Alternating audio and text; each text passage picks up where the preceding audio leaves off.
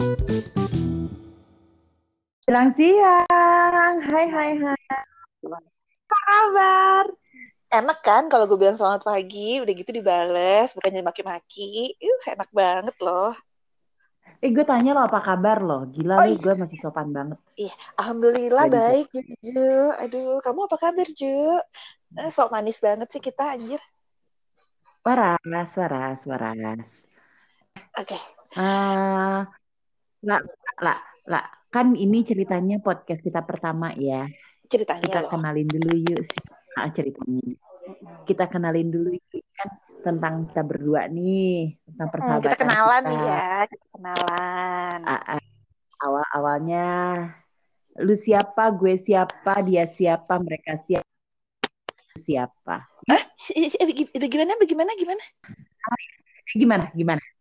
Iya, iya, iya, iya. Nggak apa-apa deh. Nanti itu ada, ada, ada ininya ya. Ada segmennya nanti untuk mencari tahu siapa laki-laki itu. itu harus ada dalam setiap percakapan kita selalu harus ada siapa laki-laki itu. Oke, kita kita kita mulai dulu dengan eh, siapa? Kamu itu siapa? Kenalan dong. Ah, jadi eh, namaku tuh Gita. Hmm. Lu, lu apa gue menyebut nama gue? Mm-mm. Eh, itu kayaknya ada suaranya si Mama. Mm-mm. Biasa. Eh-eh. Kepo-kepo. Mama Ria ya. Iya betul. Eh, coba namanya siapa? Jadi eh gue tuh secara akte kelahiran nama gue Gita. Oke, Tapi tapi gue nggak ngerti, gue nggak paham. Nama panggung gue tuh Juju. gue Jauh paham. ya? Gue Jauh paham. banget. Jadi nama panggung gue Juju. Kadang-kadang ada ada lagi yang gue Jailani, terus ada lagi yang manggil gue Joni. Itu gue dong. Gue manggil lu tiap-tiap suka-suka Nah gue iya aja. Kadang gue pengen lu. manggil Joni. Kayak orang gue panggil lu Bambang. Mau panggil lu Juminten. Kayak suka-suka gue dong. Gue punya hak untuk itu. Dan dan herannya tuh gue nyaut gitu. Dan herannya lu mau aja. Ya, ah, gue tuh nyaut gitu. Lu mau manggil gue Joni, lu mau manggil gue Jailani, lu mau Jadi kan manggil gue sebenarnya nggak penting Jumin, kan? Sebenarnya nggak penting deh, kan? tetap aja gue nyaut gitu kan. Tolol ya gue Tapi memang yang commonnya adalah Juju ya. Banyak yang manggil teman-teman kita semua. Kebanyakan manggilnya pada Juju gitu kan. Apa panggung terus eh, gue ceritanya ya, gue tuh pramugari. Gue Ceritanya jadi loh. pramugari dari tahun dulu gue di salah satu flag carrier lah gitu kan. Terus 1993. hmm, Oke, kalau zaman dulu setahu gue kalau jadi pramugari itu minimal umurnya 18 tahun kan. Kalau sekarang tuh 21 tahun. Dulu 18 tahun ya. Berarti kira-kira umurnya berapa ya sekarang? Eh, lu nggak usah buka-buka aib umur deh udah deh. Itu ada ada trik ada strateginya tersendiri pokoknya ya. Jadi intinya gue tahun 93 gue menjadi pramugari di salah satu penerbangan eh, Maskapai, maskapai terus nasional gue ya. keluar tahun 2000 Ah, ah, gue keluar tahun 2000 2001 ya. Iya 2001 gue Mm-mm. resign. Eh, waktu itu karena eh, gue punya anak. Mm. dan kebetulan anak gue eh, apa sih autism gitu kan. Jadi gue fokus sama Butuh perhatian gue lebih lah ya. gitu. Nah gue fokus sama anak gue. Yang which is sebenarnya eh, nggak itu nggak nggak terlalu anak gue juga sih sebagai alasan sih. Tapi emang gue merasa tidak tidak Itu nyaman sih gitu sebenarnya gue yakin sebenarnya lebih kepada bukan anak lu yang pengen lu kasih perhatian, bapaknya mungkin bapaknya anak-anak.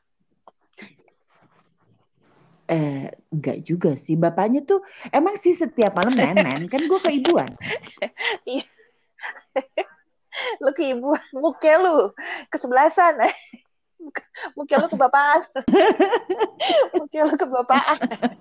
jadi jadi gue tuh jadi gue tuh keluar 2001 terus sebenarnya gue cuma dua tahun gitu gue fokus karena waktu itu gue harus ke Australia kan Hmm. gue ke Australia ikut eh, ikut seminar lah ikut seminar tentang autism karena pada saat itu belum memang belum booming banget Hmm. jadi gue sampai eh, dengan modal gue yang segitu-segitunya tabungan gue selama gue ngumpulin ya ngelonte-lonte lucu gitu.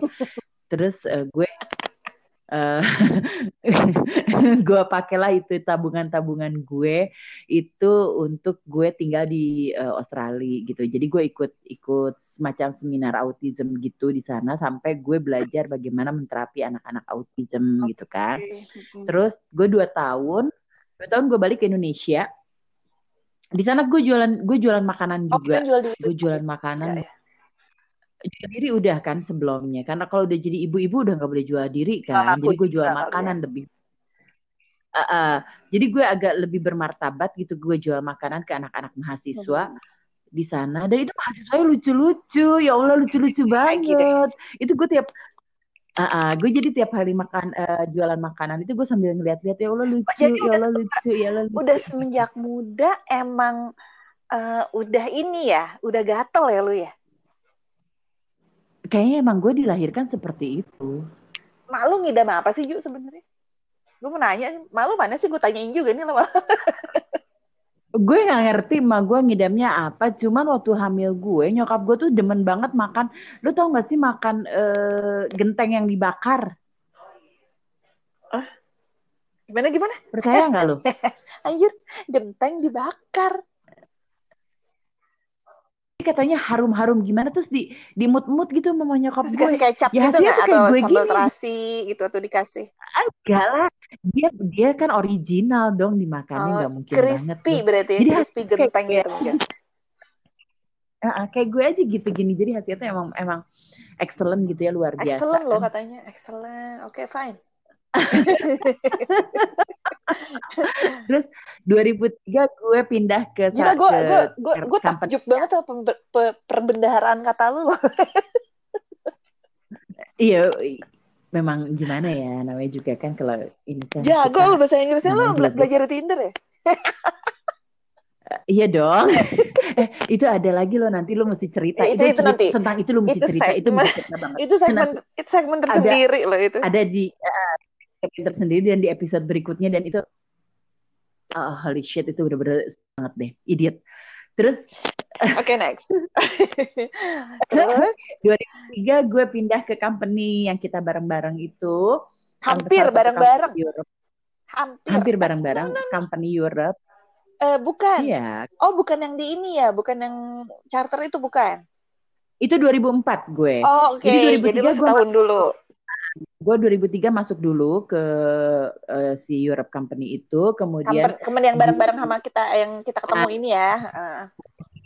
Terus udah gitu, gue hanya setahun di situ karena waktu itu gue masih terkaget-kaget dengan kehidupan yang uh, berbeda gitu loh. Bahwa gue harus gue harus tinggal di salah satu negara di Saudi Arabia uh, yang membuat gue agak terkejut-terkejut gitu. Hah? Ada polisi religius, hah perempuan gak boleh hah gitu kan. Jadi gue masih polisi poli, polisi agama. Lu polisi religius gaya lu anjir. Polisinya juga nggak religius juga anjir. Enggak lah tapi dia ngaku-ngakunya. Gila lu dia ngaku-ngakunya religius gila. Oke okay, iya iya betul betul. Betul betul betul betul benar. Gue akuin ya benar. Kalau gue sih mengikuti pengakuan mereka ya walaupun gue tahu sebenarnya mereka berbohong aja gitu sama gue tapi kan yang dibohongin kan yang penting senangnya dibohongin benar. gitu. Mm -mm. Uh, uh, ya Iya enggak, iya enggak. Terus tahun doang. Terus gue pindahlah ke company yang uh, di Halim itu, salah satu company hmm. di Halim. Yang which is sebenarnya mungkin pada saat itu kita yang sudah ketemu. Hampir kita ketemu. Yang mungkin hampir kita berteman mungkin. Mungkin sering ketemu, cuman kitanya nggak ngeh ya. Kita baru nyadar-nyadar sekarang-sekarang. Merusak Halim. Hampir kita merusak Halim. Hampir. Sebetulnya kalau kita ketemu pada saat itu pasti harus penuh dengan keaiban kita berdua. Lu bayangin deh ya. Uh, Halim uh, ini uh, apa namanya dia akan uh, rata dengan tanah mungkin dengan kehadiran kita berdua. Iya, yang pasti yang pasti sih hancur ya. Terus maksudnya gini loh, uh, kita Halim yang sama. Iya kan? Dan sejujur kebayang gak sih dulu Juju ini ternyata sering main ke kantor gue, main ke chief gue, nah, which is nah. gue juga ngantuk setiap harinya di situ. Nah, kan, jadi gue itu gue ngantor di di di pluknya ya di Halim itu seperti apa. Jadi pas kita ngobrol-ngobrol sekarang-sekarang ini, eh kan gue suka ke sini, eh kan gue tahu sini, eh kan gue makan di sini. Ya Allah, sebenarnya waktu itu kita mungkin udah pernah ketemu. Kita aja pada itu. Jadi gue itu ada di di bawah di uh, lantai dasarnya Halim Perdana. Karena kantornya si Ola ini ada satu ya lah ya. Hmm, lantai atas. Hitungan cuma dua lantai, cuma cuma satu lantai doang sih. Satu lantai doang gitu dia. Dan itu adalah tempat main gue karena gue deket banget sama chiefnya uh, si company-nya dia ini. Jadi dia ada almarhumah charter charter airlines gitu kan. Gue tuh sangat deket banget sama chiefnya itu. Terus uh, gue selalu main ke sana. Uh, selain emang gue nyolong ilmu sama almarhumah kemudian gue juga uh, di sana itu tempat gue uh, ngakak ngakak. Ya tolol-tololan aja sih. Kebayang nggak sih kalau pada saat itu sebenarnya kita udah ketemu? Betapa tololnya kita gitu. Sebenarnya mungkin kita udah pandang-pandangan aja juga mungkin cuman ya. itu, udah ada greget-greget gitu ya. Cuman mungkin sebenarnya memang Allah maha baik untuk tidak mempertemukan kita pada saat itu uh, supaya dunia masih tetap uh, aman. uh, aman gitu kan. Dan damai gitu kan. Damai. Nah, terus kemudian kita sama-sama karena kita sama-sama charter flight kita sama-sama dapat charter untuk melakukan rescue flight uh, waktu tsunami, tsunami eh. di Aceh tahun nah, uh, Desember 2004. 4 ya, Desember 2004. 2004. Yang which is tempat kita uh, nongkrong pun sama. Sama itu sama. Dan kalau nggak salah kita uh, di hari ya pertama, di hari pertama tsunami baru sama. baru itu baru terjadi malamnya atau uh, sehari sebelumnya, besokannya gue adalah charter company atau charter uh, pertama, pesawat ya? pertama yang landing. Mm -mm. Gue pesawat kedua yang landing di sana. Yang which is gue masih ngelihat pesawatnya dia nongkrong di situ gitu loh. Jadi masih masih sebelah sebelahan itu pesawat kita. Yang terus kita kan masih pada nunggu nunggu yang kita bawa ya, karena kan kita harus bawa lagi uh, penumpang balik ke Jakarta gitu karena rescue flight. Uh, terus tongkrongan kita tuh sama. Mm-mm. Pojokan. Dan kalau nggak salah, kalau nggak salah ya, uh, lu tuh waktu itu kan lu bilang sama gue, lu sempat pinjam korek ke kokpit gue kan? Iya, iya, iya. Which itu kokpit gue itu sebelahan kita... duduknya sebelah gue. kita lagi ngerokok juga. Jadi sebenarnya lu udah ketemu sama gue, kita nggak ngaju. Aduh, itu parah Tapi banget mungkin, mungkin gini ya.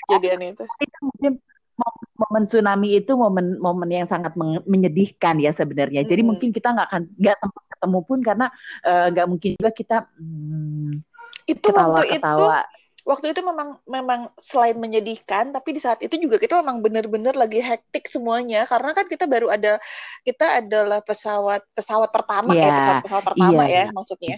Jadi memang pertama kali jadi yeah. Iya. uh, uh, tsunami itu gue lupa tanggal berapa cuman kejadian tsunami itu terus malamnya setelah Natal iya kalau nggak salah sekitar 20-an something ya gitu kan 26 apa ya 26 Desember deh kayaknya setelah sehari setelah Natal deh 24 24 Desember sehari sebelum Natal iya, atau sehari setelah Natal gue lupa deh. itu nanti gue coba, coba nanti coba googling ya.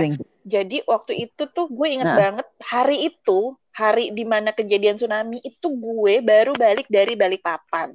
Jadi gue baru um, balik karena kan memang eh, kebetulan charteran gue juga kan dikontrak sama salah salah se, uh, salah satu perusahaan minyak di Balikpapan. Mm oh, iya, company ya. Jadi gue itu baru balik dari balik papan. Biasanya gue di sana sekitar dua minggu, terus gue balik, terus ganti sama yang lain. Jadi gue itu baru balik dari balik papan. Gue baru landing itu sekitar sore-sorean gitu. gue dapet kabar kalau ada tsunami, terjadi tsunami, dan gue langsung telepon sama chief gue untuk standby karena kemungkinan besoknya gue harus ke sana.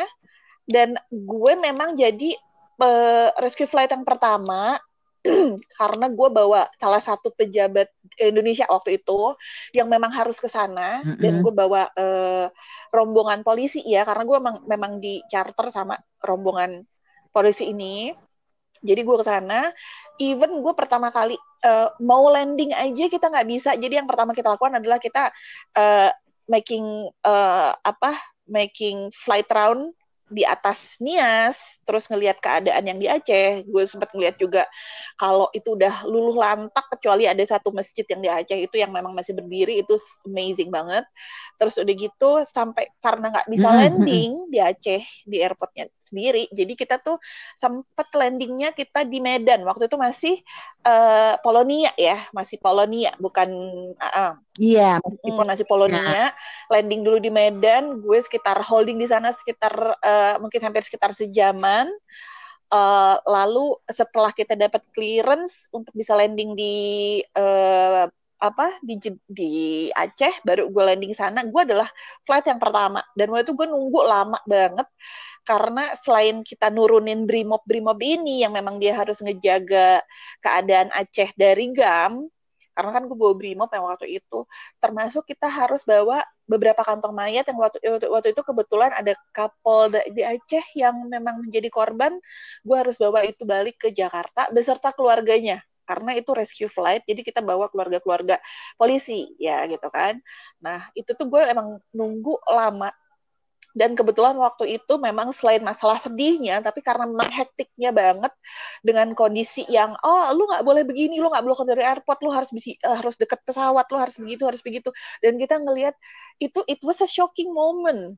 Karena kita ngelihat gue pikir itu ada ada ada satu ada ada sebuah gunung-gunungan. Gue pikir itu adalah reruntuhan bangunan. Ternyata itu adalah sekumpulan mayat-mayat yang mereka temukan dan mereka taruh gitu aja jadi berupa gunung. Itu gue yang gue gue gue bener-bener yang shock lah waktu itu gitu kan.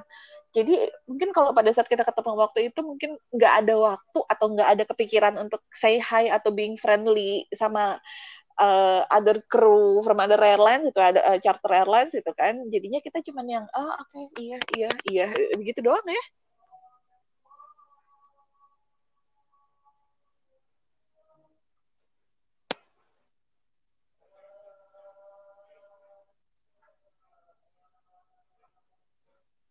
Ju, suaranya ngilang. Hai. Iya. Suaranya suka ngilang ya kamu ya tiba-tiba. Uh -uh. Iya biasalah namanya juga artis kan suka ngilang-ngilang kayak gua, gitu. Gue gue tahu ini lu nggak boleh buka aplikasi lain. Kalau lu buka aplikasi lain suaranya hilang. Gue lagi nggak buka eh, apa-apa. Gue juga sih sebenarnya tiba-tiba suaranya hilang ya di situ ya mungkin kita, kita terus? uh, harusnya ketemu gitu kan bisa ketemu uh, gitu kan. Terus berapa lama tuh lu di di nah, charter itu? Gue agak lama sih di charter itu hampir sampai tahun 2006 2007 2007 jadi sampai tahun 2007, kemudian ya standar lah ya. Gue kan memang intinya gue tuh nggak bisa menetap di, di satu company hmm. terlalu lama gitu loh. Jadi gue bosen, gue bosen dengan uh, ya pada saat itu gue merasa bosen dengan yang namanya uh, aturan-aturan gak jelas lah gitu. Terus uh, gue keluar lah, gue resign dari sana, terus gue uh, oh gue di gue ditawarin balik, gue ditawarin balik ke company hmm. Europe kita. Nah tapi base-nya enggak di enggak di Saudi.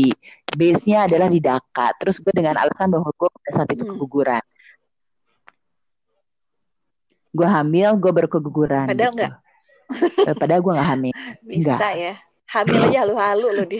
Ember ember. Tapi ya intinya pokoknya waktu itu gue nggak gue nggak mau lah di base di situ gitu. Terus ternyata tahun 2008 eh, mereka manggil lagi gue gitu.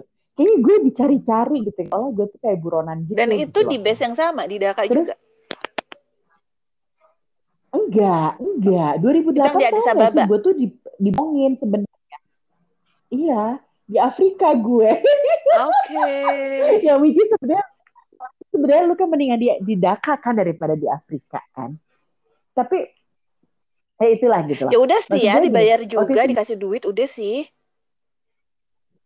Iya sih, ya cuman gue senangnya waktu gue 2000 eh, gue sebelnya 2008 gue sedihnya gue 2008 tuh waktu kita rekrut rekrutmen lagi gitu waktu mereka panggil gue lagi kan di interview dan segala macam nah hmm. biasa ngobrol lagi sama Mas Marki kan. Terus Mas Marki iya Mas. Masis eh Masis. Terus uh, waktu itu gue pokoknya ditanya sama dia, lu mau nggak? Katanya, base mana? Gue bilang gitu, gue tanya dong, gue pasti kan gue tanya base mana? Gitu. Uh, base-nya waktu itu kita mau tadinya di Abu Dhabi. Mereka bilang kita base di Abu Dhabi. Jelas dong gue mau dong.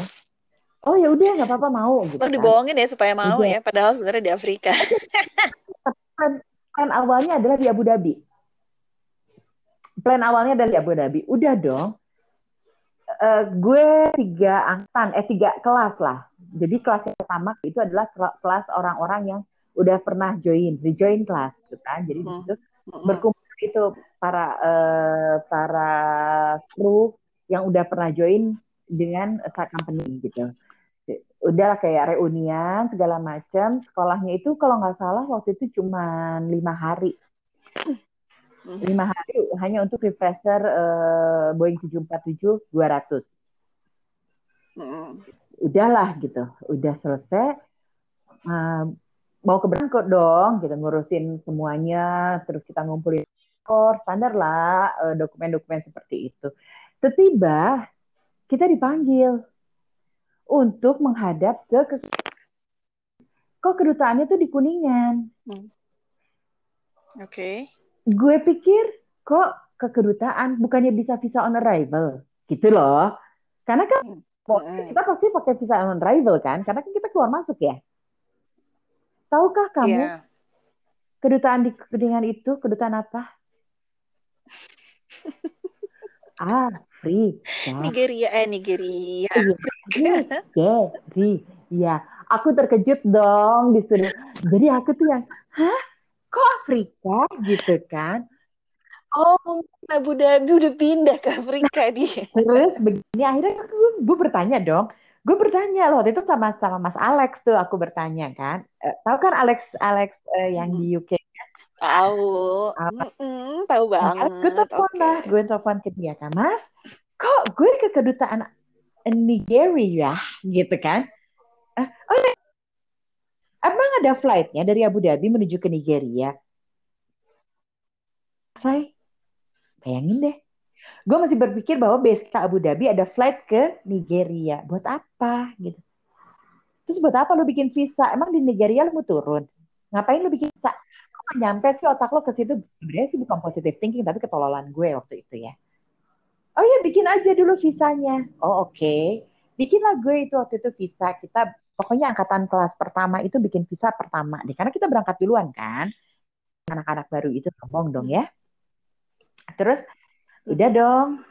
Sampai di di situ visa itu cepet banget jadinya. Jadi kita datang pagi sore itu visa tuh udah jadi udah nempel aja gitu di paspor visa Niger free ya gitu kan oh ya malah di paspor gue ada Niger ah gitu ih seolah-olah gue benar-benar ini banget gitu backpackeran banget menuju ke Afrika udah dong sampailah pada hari haknya Tahukah kamu kita naik apa? Dari Jakarta kita menggunakan Thai Airlines. Uh mm-hmm. -huh. Menuju Bangkok. Bagus dong. Dari bang uh-huh. Ethiopian Airlines. oh ya karena Ethiopian Airlines nggak ada yang ke Jakarta ya. Iya. Dan barulah kita tahu bahwa kita akan base-nya. Jadi bukan di Nigerianya kita waktu itu base-nya bukan di Addis Ababa-nya. Jadi kita memang berangkat dari hmm. Addis Ababa dari Addis Ababa kita ditaruh di Sheraton Hotel, which is di sana itu hotel tuh hanya dua Hilton dan Sheraton. Nah, yang Sheraton ini uh, hotel memang khusus ekspatriat. Kalau yang Hilton orang-orang yang kaya di Nigeria tuh masih bisa nginep, tapi kalau Sheraton udah nggak bisa. Nah, terus kita taruh di Sheraton, tapi kan mahal tuh ya, mahal sekali ya. Eh dipindahin dong kita ke Hilton udah kita dipindahin ke Hilton uh, dan which is di Hilton itu emang dasar ya. Waktu gue gue masih inget bahwa gue lupa yang namanya keset bahasa Inggrisnya apa. Tapi gue butuh keset tiga biji. Terus gue nelfon keeping gue nelfon hey do you have any welcome? Kasih welcome drink lah. Datang-datang lu tahu dia bawa tiga keset dong Buat apaan? Iya, gue minta memang gue minta welcome. Welcome itu karena gue lupa. Oh, oke. Gue lupa. Welcome itu eh, waktu itu gue lupa bahasa Inggrisnya keset apa. Jadi gue berdua Hmm, gue. ngakak-ngakak. Terus udah lah, udah nih. Tapi pertama gue di Ababa, gue senang di sana. Pertama udaranya bersih banget, udaranya dingin, itu gue suka banget.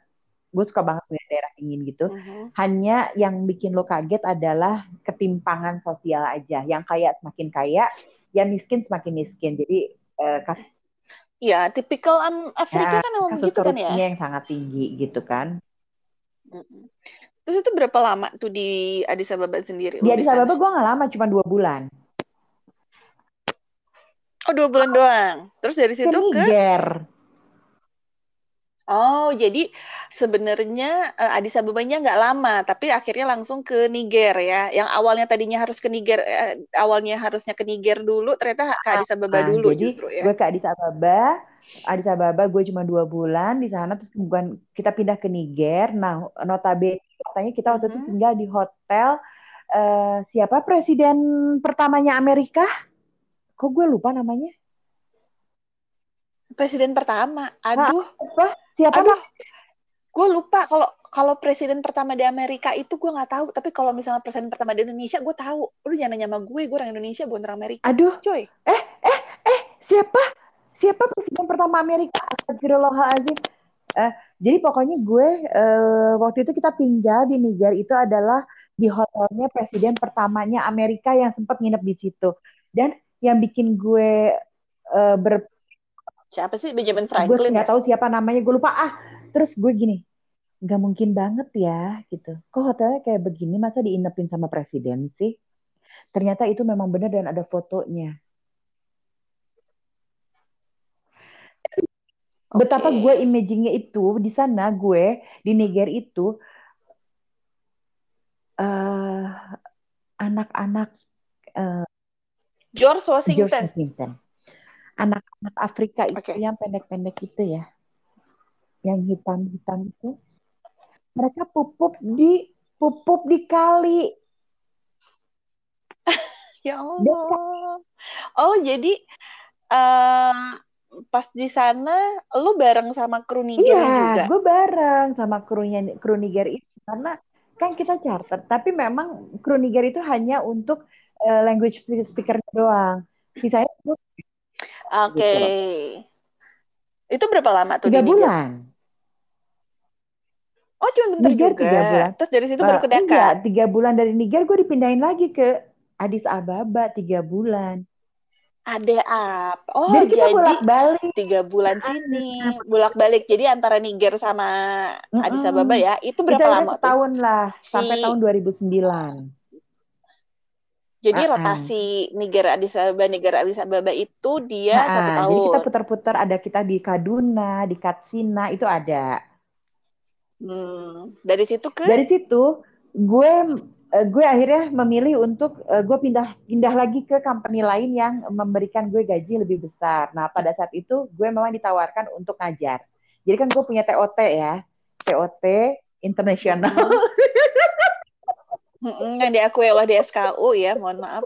Eh, jadi lu di company baru itu Nah, jadi instruktur, tapi lu nggak terbang. enggak, gue jadi Eh, company yang dari Europe juga bukan sih? oh Yang enggak, gue yang yang jadi instruktur itu gue bukan dari company yang eh, company Europe, tapi eh, ownernya adalah eh, European.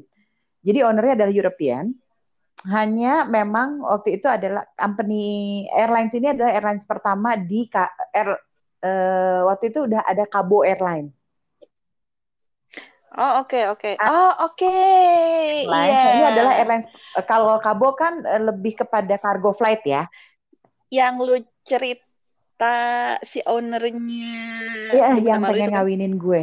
Coba ya, nggak kurang apa? Oke. Ini lu di situ berapa lama gue itu di lama situ? kalau ini. Gue nggak pulang-pulang.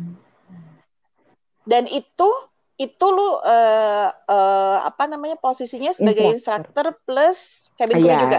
terbang. Gue terbang hanya untuk ngecek siswa. Oh, oke. Jadi line checker lah ya. Jadi gue karena gue instruktur Mm-mm. satu-satunya kan gitu, yang which is juga gue adalah orang Indonesia, Mhm. gue instruktur satu-satunya. satu lagi ada instruktur lain adalah yang menjadi chief gue gitu tapi dia udah tua uh, namanya hmm. Madam CD gue masih ingat tuh orangnya baik sebenarnya orangnya baik hmm. Uh, karena dia udah tua jadi agak agak sedikit bawel gitu loh umur dia dan ini lu di sini berapa lama tuh sebelum akhirnya masuk ke company nah, Europe ini jadi 2009 sampai 2011 gue Oh, lu oke, okay, 2009 sampai 2011 habis itu lu masuk ke company Europe yang dari Spanyol ini. Enggak. Dari Spanyol kan? Enggak, gue tetap nah. ke ke yang Iceland dulu. Oh, oke, okay, guys. Sampai 2013 gue masih di, di yang eh 2011 sampai 2012. Akhirnya 2012 itu gue memutuskan untuk uh, ngambil long break. Nah, gue ambil okay. long break. 2015 gue ikut yang company yang dari Spain itu. Dari Spain setahun. Nah, sampai setahun lah itu cuma berapa bulan sebenarnya karena memang batu loncatan. Oh yang cuma hajian doang lah ya. Oh iya iya iya waktu itu memang yang Spain itu cuma cuma cuma nggak lama kok ya, memang cuma hajian Dan doang memang ya. Buat batu Abis itu baru doang. 2016 gue balik baru lagi. baru balik hmm. lagi. Which is lu join berarti sekitar awal-awal sebelum hajian, mungkin sekitaran April ya waktu itu ya, waktu itu 2016 April kan. Dia enggak gue bulan Maret. Oh Maret, oke. Okay. Itu Maret 2016 dan kita ketemu Desember iya, 2016. Betul. Maksudnya kita benar-benar yang uh, uh, kita satu yeah. rumah ya waktu itu ya. Kebetulan kan di company company yang ini, company yang dari Aizen ini memang kita dikasih akomodasi, which is kita sharing dan kita satu villa waktu itu ada lima orang dan waktu itu uh, gue kebetulan datang duluan di villa itu gue waktu itu karena kita sama-sama kita tahu bahwa kita sama-sama dari Bandung. Terus yang gue tuh ngeteks Juju udah gitu e, kapan balik? Gue mau nitip barang boleh nggak? Terus dia oh boleh boleh boleh boleh. Terus gue nanya lo udah punya uh, villa belum? Dan dia bilang belum. Terus gue ajakin untuk kebetulan salah satu di teman villa gue yang waktu itu karena emang udah penuh kebetulan salah satunya dia mesti pulang untuk renew visa dan 01 jadi gue tawarin hmm. Juju dan Juju oke okay, gue datang ke sana gue mau gue mau emang gak berapa ya udah kira kita join ketemu dan kita uh, jadi temenan ya. jadi dari situlah kita awal awal uh, kedekatan kita dari 2016 itu Desember 2016 Uh, sebenarnya kalau misalnya tahu sih ya lebih kepada dari sebelumnya iya. mungkin ya karena kebetulan gini jadi gue itu memang kalau di Facebook itu suka ngeliat kayak komen-komen dari si ibu Gita ini ya ini siapa sih Gita Gita komennya pada gila gitu kan udah gitu kebetulan satu hari gue terbang bareng uh-huh. kalau enggak waktu itu gara-garanya ngeliat komenannya terus udah gitu somehow gue nemuin ternyata Gita ini adalah uh, punya mutual friend yang sama sama gue which is itu adalah uh, almarhumah. Oh iya uh, jadi uh, almarhumah itu dia teman kuliah gue dulu waktu zaman gue masih kuliah waktu zaman gue masih kuliah dia satu satu hmm. satu alma mater sama gue. Terus waktu itu jadi oh orang Bandung juga nih kita gitu. Dan kebetulan akhirnya waktu itu kita terbang bareng. Waktu itu gue belum kenal sama sekali cuman tahu nama Gita ini dari Facebook gara-gara komen-komenan orang. Dan kita terbang kita uh, apa namanya pada saat on ground waktu itu kita mau ngerokok ngerokok bareng abis selesai ngerokok kita balik ke pesawat dan gue samperin langsung kita ini gue tanya e, temennya nih ya? Terus akhirnya kita ngobrol akhirnya nyambung oh ya ini sahabat sama gue ternyata. Dan akhirnya kita nyambung uh, entah kenapa waktu itu kita temenan di Facebook dan akhirnya sampai gue punya WhatsApp lu gue gak ngerti lewat dari mana tuh ya. Akhirnya ya itu pas Desember yang harusnya dia balik gue tawarin untuk masuk villa gue akhirnya di situ kita mulai sahabatan yeah. dari situ ya gitu. jadi kita benar-benar deket dari situ terus uh, apa ya uh, benar-benar yang namanya kita tuh ah pokoknya kayak kayak lu nemu tidak terpisahkan lah ya kayak lu nemuin belahan uh, jiwa lu yang yang hilang gitu kan jadi uh, banyak hal begini lucu uh, yang terjadi antara kita itu gitu, kan? iya benar. dan padahal sebenarnya hmm, kita tuh oke okay, sedikit cerita tadi udah tentang kita ya sekarang tentang gue mm -hmm. gitu kan uh, sebelum kita berlanjut ke pertemanan kita nih ya karena nyambung sih sebenarnya jadi uh, nama nama gue Fabiola gue dipanggilnya Ola. Jadi ada yang manggil gue Ola, ada yang manggil gue Yola, ada yang manggil gue Fab, ada yang manggil gue Fabi. Suka-suka deh ya gitu kan. Uh, tapi kebanyakan kalau teman-teman cabin crew gue itu rata-rata manggilnya Ola semua gitu. Tapi kalau misalnya teman sekolah gue yang lama manggilnya Yola. Aku enggak, aku kayat. Terus Nah, dia kalau dia suka-suka dia, sama kayak misalnya gue manggil Juju ini, mau Joni, mau Bambang, mau Kirik, mau Nenek, eh, terserah gue. Eh, gitu by kan. the way, by the way, hmm. kayat itu adalah bahasa Cebu. Artinya apa, Fabiola?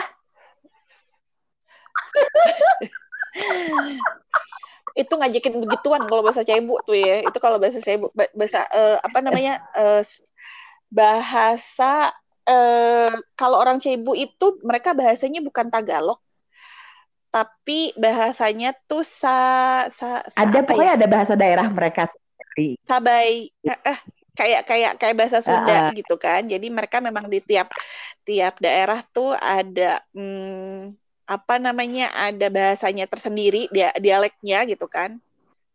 Uh, nah kebetulan waktu itu kita banyak temen orang Filipin ya gitu kan banyak teman orang Filipin jadinya uh, waktu itu sempat ketawa-ketawa mereka manggil-manggil gue gue pikir apa gitu kan awalnya gitu. Apa sih manggil kayak Kat lama-lama akhirnya mereka ngomong ya tiap kedenger nama lu si kayak ini itu sebenarnya kita ketawa-ketawa karena bahasanya tuh artinya jorok. Begitu dikasih tahu gue ngakak dong. Akhirnya tiap-tiap gue dipanggilnya kayak kayak mau sama mereka gitu kan. Kurang ajar ya itulah gitu. Seru lah. Hmm. jadi sebenarnya nama gue itu Fabiola gitu kan Kayat mau itu nama keluarga gitu kan. Nah terus uh, awalnya sih gue gue sama kebetulan jadi pramugari juga sama kayak Juju. Cuman bedanya karena kebetulan kita juga umurnya beda jauh banget jauh banget banget banget gitu kan. Jadi kalau yang nggak sejauh itu Jadi kalau Juju itu mulainya tahun 1993 gitu kan. Apalagi zamannya Juju itu di mana pramugari itu minimum umurnya itu kan memang 18 tahun tuh udah boleh jadi pramugari. 17 gitu 17 kan. 17. Cuman 17. Kalau di zaman-zaman gue itu Uh, itu enggak sih sebenarnya zaman gue masih 18 karena gue inget banget jadi waktu tahun 98 itu gue baru baru mulai baru kuliah awal-awal gitu gue sempat apply Singapore Airlines which is umur gue waktu itu masih sekitar 18 tahun gitu kan. Umur gue masih 18 tahun itu kebetulan memang minimum umurnya masuk ya gitu kan. Gue nyoba Singapore Airlines terus uh, gue keterima cuman gue nggak diizinin sama nyokap sama bokap. Jadi kalau bokap lebih kepada bokap nggak suka kalau gue terbang takutnya ada apa-apa. Ya, ya gimana sih kan orang jadi di Singapore Airlines ya Uh, itu waktu itu di Singapore Airlines, which is nyokap gue, kalau nyokap gue lebih kepada mungkin karena gue anak paling kecil dan cewek satu-satunya, jadi nyokap gue masih yang belum rela untuk lepasin gue karena menurut nyokap gue umur gue itu masih kecil, kayak masih yang 18 itu masih masih anak anak mamih banget gitu ya. Jadi nyokap gue yang oh nanti kamu di Singapura jauh dari mama dong gitu kan. Akhirnya gue batalkan lah ya. Jadi ya udahlah gue lebih menghargai uh, ya udah kasihan nyokap bokap gue juga ditinggalin. Gue juga mungkin ngerasanya gue juga ngerasanya masih belum cukup independen untuk untuk untuk uh, uh, apa ya untuk pergi ke sebuah tempat sendiri. Gue juga sebenarnya waktu itu masih agak agak takut gitu kan. Sampai akhirnya tahun 2000 gue keterima di hmm, salah satu maskapai internasional di Timur Tengah awalnya sih sebagai uh, keterimanya sih sebenarnya gue sebagai ground staff gitu. Lu kan. malah lebih jauh ya daripada Singapura ya, lu udah keterimanya. Eh, eh, justru lebih jauh, tapi paling enggak waktu itu umur gue udah udah 20, 20 waktu itu kan. Lalu ya. Gue, uh, uh, udah udah nyoba gue mungkin uh, ngerasain uh, selang dua tahun setelah dari Singapura Airlines Sadar. udah yang aduh udahlah aduh pusing daripada lu di sini mulu katanya lu mendingan lu pergi aja sana gitu kan uh, walaupun memang memang kayak kayaknya bokap masih belum belum cukup ikhlas untuk ngelepasin gue tapi lebih kepada ya udahlah ya maksudnya ya udahlah dia udah gede ini udah udah, udah umur 20, 20 masa sih kita mau ngekep, ngekepin terus gitu kan? Akhirnya gue dibiarin pergi walaupun dengan pertentangan dari keluarga besar kayak kakaknya bokap dan lain sebagainya kayak ini anak perempuan kok dibiarin pergi jauh ke timur tengah yang nggak nggak jelas centrungannya gitu kan. Akhirnya gue berangkat gue sebagai uh, ground staff waktu itu Uh, terus gue probation 6 bulan. Kebetulan uh, mereka juga bilang kalau memang lu pengen mencoba untuk jadi cabin crew ya lu coba aja gitu kan. Akhirnya uh, gue coba alhamdulillah masuk. Dan akhirnya gue jadi cabin crew. Di sana gue cuma tiga tahun doang sebatas uh, kontrak. Karena setelah itu somehow gue ngerasanya tiga tahun hmm. cukup lah ya gitu kan. Duitnya lumayan duitnya enak travelingnya enak. Cuman lebih kepada masalah ke gue tidak terbiasa dengan aturan-aturan yang melarang gue untuk ini itu segala macam karena ada kayak aturan-aturan yang lo boleh paling pagi keluar dari kompon dari uh, apartemen paling pagi jam 6 pagi. Terus lu harus udah balik ke kompon itu jam 3 subuh. Uh, lu nggak boleh nginep di luar. Kalau mau nginep di luar lu harus pakai surat izin. Segala macam aturan itu gue masih belum terbiasa. Dan masih yang pada saat itu gimana sih gejolak kaula muda ya darah muda gue gitu kan. Gue yang mikirnya ya elah orang tua gue aja kagak ada tuh yang namanya ngelarang-larang gue lu ribet banget sih gitu kan. Udah gitu dengan nah.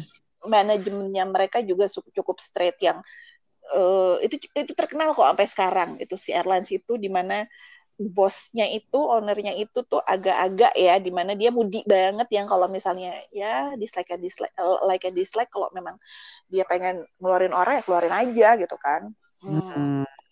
Dengan segala aturannya yang cukup cukup ridiculous kalau menurut gue gitu kan. Akhirnya setelah tiga tahun gue balik ke Indonesia dan gue di charter airlines ini yang di Halim yang seharusnya nah. mungkin kita bisa ketemu itu. Oke. Okay. Nah, di situ itu tuh gue join akhir akhir 2003 uh, uh, awal 2004.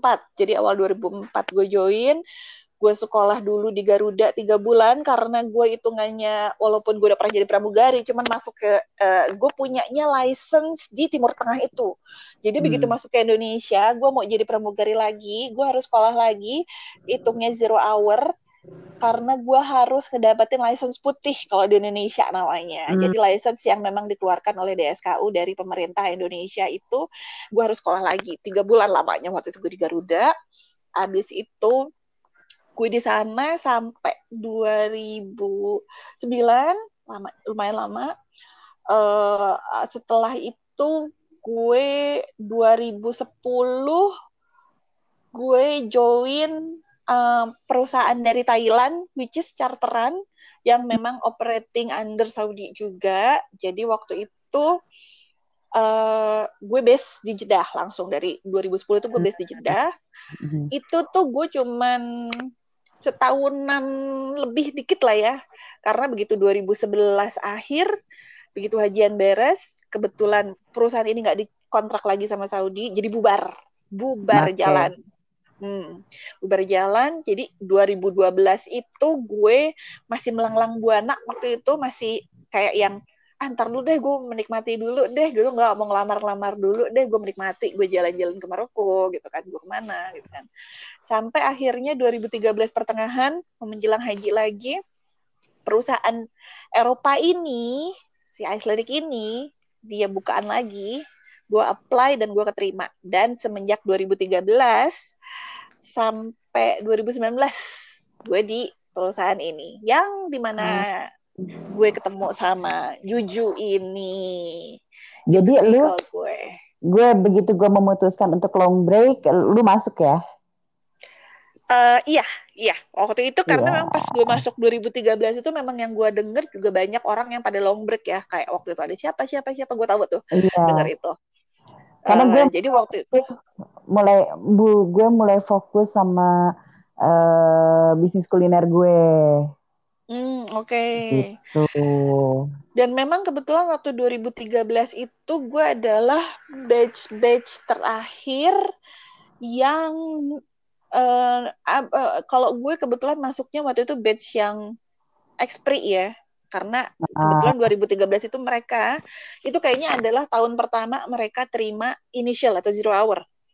Gue okay. masuknya waktu itu masuknya ke Expri. Jadi pada saat gue interview juga itu dibedain yang Expri sama yang uh, zero hour atau initial. Hmm. Jadi gue Expri itu kita dikasih sekitar dan by the way itu pada saat gue interview yang Expri itu jumlahnya lebih sedikit daripada yang initial yang zero hour. Oh, Jadi gue okay. ada uh -uh, Jadi waktu tiga hari gue kalau nggak salah tuh mm, Jumat Sabtu Minggu kalau nggak salah ya. Jumat Sabtu Minggu itu kita ekspri pada ah nggak sorry Sabtu Minggu itu ekspri pada interview. Terus Senin, Selasa, Rabu kalau nggak salah sampai Kamis itu yang zero hour yang interview. Dan hmm. itu cuma sedikit kok, cuma sedikit yang ya, nya Yang keterima pun cuma sedikit. Kebetulan pada batch gue 2013 itu yang keterima cuma 8 orang, orang Indonesia. Gitu. Hmm. Yang keterima cuma 8 orang. Jadi pada saat gue training, gue training tuh langsung ke Jeddah. Karena kalau kalau yang namanya Expri kan kita nggak training lama-lama banget kan. Kita cuman hitungannya kita trainingnya initial di uh, uh, company ini. Tapi dari Expri jadi cuma tiga minggu Sedangkan okay. kalau yang initial itu mereka dia training di Jakarta dulu. Kalau untuk training basic-basic trainingnya di Jakarta, baru setelah itu uh, mereka ke Jeddah untuk training service, untuk medical check up, untuk uniform fitting, untuk apa namanya uh, walk up, baru ke Jeddah hmm. gitu. Terus Jadi sebenarnya tiga minggu itu udah dari 2013 ya? Iya, itu udah dari 2013 itu kita tiga minggu buat yang ekspri. Dan itu kita trainingnya langsung di jedahnya. Kita nggak training dulu di Indo gitu. Dan itu benar-benar ya memang training initial ekspri ya, karena memang mm. emang hitungannya fast forward banget. Kita training kita tiap hari.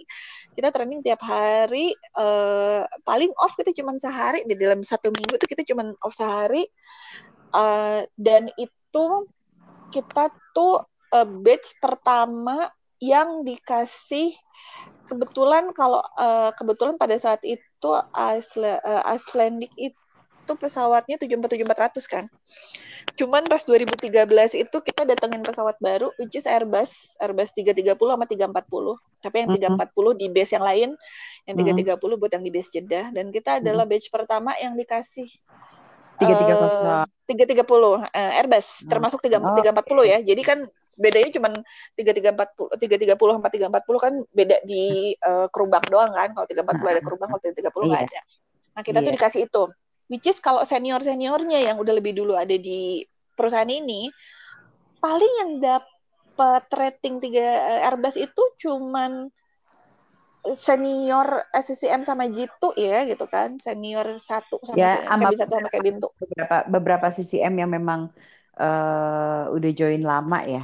Iya itu pun Karena masih sedikit aku, banget. Itu pun masih sedikit banget. ada yang kena 330 itu loh uh, kru yang ada di Cianjur itu. Hmm? uh, kan itu yang gue baca di FB bahwa dia kan dapetnya 330 terus terus terbangnya ke Algiers terus dia pengen terbang Indonesia nggak dapat dapat oh by the way kalau dia kebetulan jadi gini loh yang dapat kalau nggak salah ya yang dapat waktu itu memang baru senior senior dulu ya.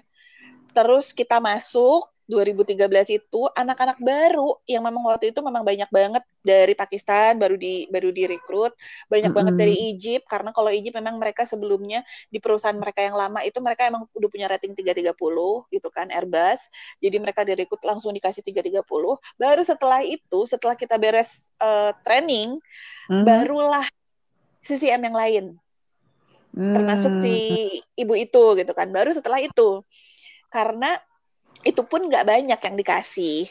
Jadi memang pada saat gue terbang si Airbus itu justru banyaknya anak-anak baru ya, anak-anak baru. Oke. Okay. Gitu.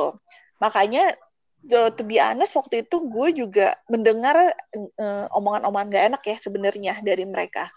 Kalau ini anak-anak baru pada dikasih Airbus gini-gini segala macam, kita mana kok nggak dikasih Airbus? Once mereka dikasih Airbus, once akhirnya mereka punya rating Airbus dan akhirnya mereka dikasih terbang Airbus mulu, mereka pada komplain karena kan nggak dapet terbang Indonesia. Karena kalau Airbus itu lebih kepada terbangnya yang short yang kayak ke Kairo, banyak yang kayak begitu. Kairo atau kita waktu itu masih terbang ke Iran, nah gitu-gitu. Dan hmm. itu mereka memang sengaja untuk schedule-nya sendiri standby-nya dipisahin antara oh. Airbus sama Boeing 747. Emang dipisahin. Oh, Oke. Okay. Gitu.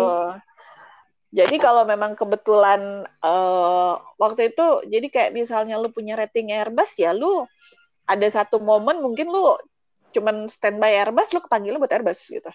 Hmm, oke, oke, oke. Jadi ada ada plus minusnya juga ya? Ada plus minusnya gitu kan. Bahkan temen gue juga ada nih satu satu satu bulan dia sama sekali nggak terbang Boeing, jadi dia terbangnya Airbus mulu gitu. Which is kalau Airbus itu sebenarnya lebih capeknya karena gini, mungkin karena short flight, mereka juga cuma pergi tektok doang kan, apalagi short flight. Cuman modelan kayak Cairo itu kan banyaknya tuh di delay. Delaynya kan bisa sampai tiga jam, bisa sampai 8 jam. Capeknya di situ, jam terbangnya nggak seberapa, uh, ya udah gitu kan. Jadi mereka lebih banyak capeknya dan nggak terbang ke Indonesia. That's the thing. Yang terbang ke Indonesia cuma pakai Boeing. Hmm, itu ya penderitaan kita ya. Hmm, penderitaan kita. Jadi begitulah ya cerita kita berdua bahwa uh, latar belakang kita berdua kita berdua sama-sama pramugari kita sama-sama tinggal di kota yang sama yang sebenarnya kita dari dulu emang sudah berselisihan terus karena kebetulan tahu sahabat SMA-nya Juju kebetulan adalah teman main gue zaman masih kuliah juga kita ketemu nyambungnya gara-gara itu dan ternyata setelah ngobrol-ngobrol-ngobrol ke sini-sini ternyata eh dulu sama-sama kita pernah kerja di Halim di tahun yang bersamaan sebenarnya kita dengan flight yang sama. Hmm, dengan flight yang sama karena kita juga di charter di Balikpapan ya waktu itu kan mm -hmm. juga kan itu kita mungkin kita sering ketemu mungkin pernah ketemu tempat nongkrong sama dan lain sebagainya sama dan kita baru nggak sekarang tapi iya. justru ya. dengan itu memang mungkin memang jalannya ya mungkin belum tentu kalau kita ketemu tahun 2004 itu mungkin belum tentu kita akan bisa se seperti ini bisa seperti ini karena yeah, mungkin yeah. pada saat itu umur gue masih 20 something which is yang masih egonya juga masih tinggi banget uh, kerjaan mainnya juga nakal-nakalnya masih parah. Lu juga mungkin sama kali ya Ju ya gitu kan. Iya. Yeah. Jadinya mungkin kita nggak terlalu bisa nyambung mungkin ya gitu. Tapi begitu yang sekarang di mana kita udah ketemu udah cukup mapan, gue udah late 30 itu late 30 close to 40, dia sendiri udah 40 gitu kan waktu itu dan sekarang kita udah kita berdua udah 40 something jadinya lebih kepada saling bisa mengerti satu sama saling lain, support, saling, saling bisa mengisi, saling bisa support. Mm. Dan gitu. uh, which is yang paling gue percaya adalah bahwa tidak ada hal kebetulan di dunia ini, semua sudah diatur gitu. Jadi uh, iya, ini iya. ini memang udah jalannya. Uh, uh, gitu. Jadi inilah gue uh, gue sangat sangat-sangat percaya dengan itu adalah bahwa uh, bukan sebuah kebetulan bahwa akhirnya kita bisa menjadi seperti sekarang gitu ya pertemanan kita bisa seperti ini. Iya. Mungkin kebetulan memang prosesnya adalah perjalanannya seperti itu. Some people ada perjalanan yang memang harus ketemu ya, emang benar-benar ketemu secara fisik. Terus melalui perjalanan yang uh, you you you you are on your way, I I am I, I am on my way tapi kita udah pernah ketemu secara fisik, udah kenal dan lain sebagainya. Cuman ada satu titik kita ketemu, tapi ada juga yang memang tidak sadar kita sudah ketemu, tidak sadar kita sudah sebenarnya udah sama-sama saling mengenal secara nggak langsung, tapi memang tidak secara fisikly dan uh, uh, apa ya tanpa di, di bawah kesadaran kita bahwa kita sebenarnya sudah berteman gitu, ada, uh, udah ketemu, udah kenal, tapi tiba-tiba ada satu poin akhirnya kita benar-benar secara fisik hmm. kita ketemu dan poin itu adalah titik di mana kita menjadi iya, iya, sahabat iya. seperti sekarang. Dan yang gue percaya adalah bahwa gue sama Juju iya. seperti itu. Kita udah kenal lama sebenarnya. Kita udah mungkin udah pernah ketemu lama. Cuman perjalanannya adalah tanpa pengetahuan dan tanpa kita sadari, kita jalan masing-masing di jalan kita. Tapi ada titik poin lagi, kita ketemu lagi dan secara fisikly dan secara sadar betul. Dan ternyata kita menyadari bahwa wow, this is my missing link gitu kan. This is my soulmate. Yeah. Gitu.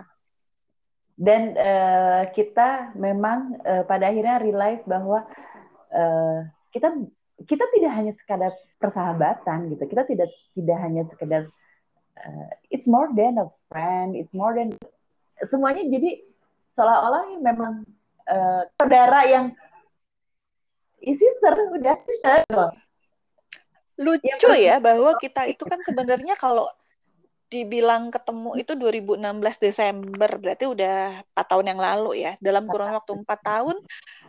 gue ngerasa gue sama Juju tuh kayak udah kenal lama banget udah tahu udah tahu baik buruknya dia dari kayak dia baru lahir baru ngoek baru diazanin gitu kan udah kenal dia udah lama banget dan uh, persahabatan gue bukan cuma sebagai seorang sahabat tapi sebagai saudara sebagai uh, sister sebagai soulmate sebagai uh, any any possible any possible yeah. relationship sama Jojo ini yeah.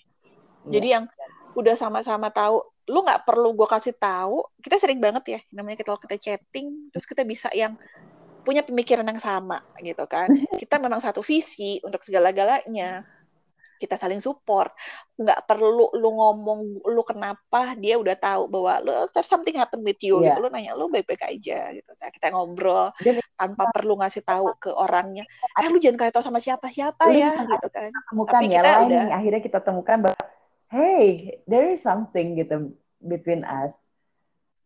Bener-bener yang Iya, mm dari something betul. Kita yang realize bahwa oh iya, inilah persaudaraan. Well, yeah, kenalan kita dari Juju sama untuk episode satu kali ini. Mudah-mudahan uh, nanti kita bikin episode lagi dengan cerita yang lain. Yang pasti akan lebih seru gimana perjalanan kita selama kita tinggal di uh, villa yang sama, di negara yang sama dan apa yang terjadi di sana. Banyak story. Jadi, yes. Segala kegilaan, segala kelucuan, segala keadab, nah, tidak beradaban kita dan faedahnya kita, kita tuh banget itu gitu kan. di sana. Sampai ketemu lagi di episode berikutnya. Banyak banget. Yo, see you. Terima kasih. See you. Bye.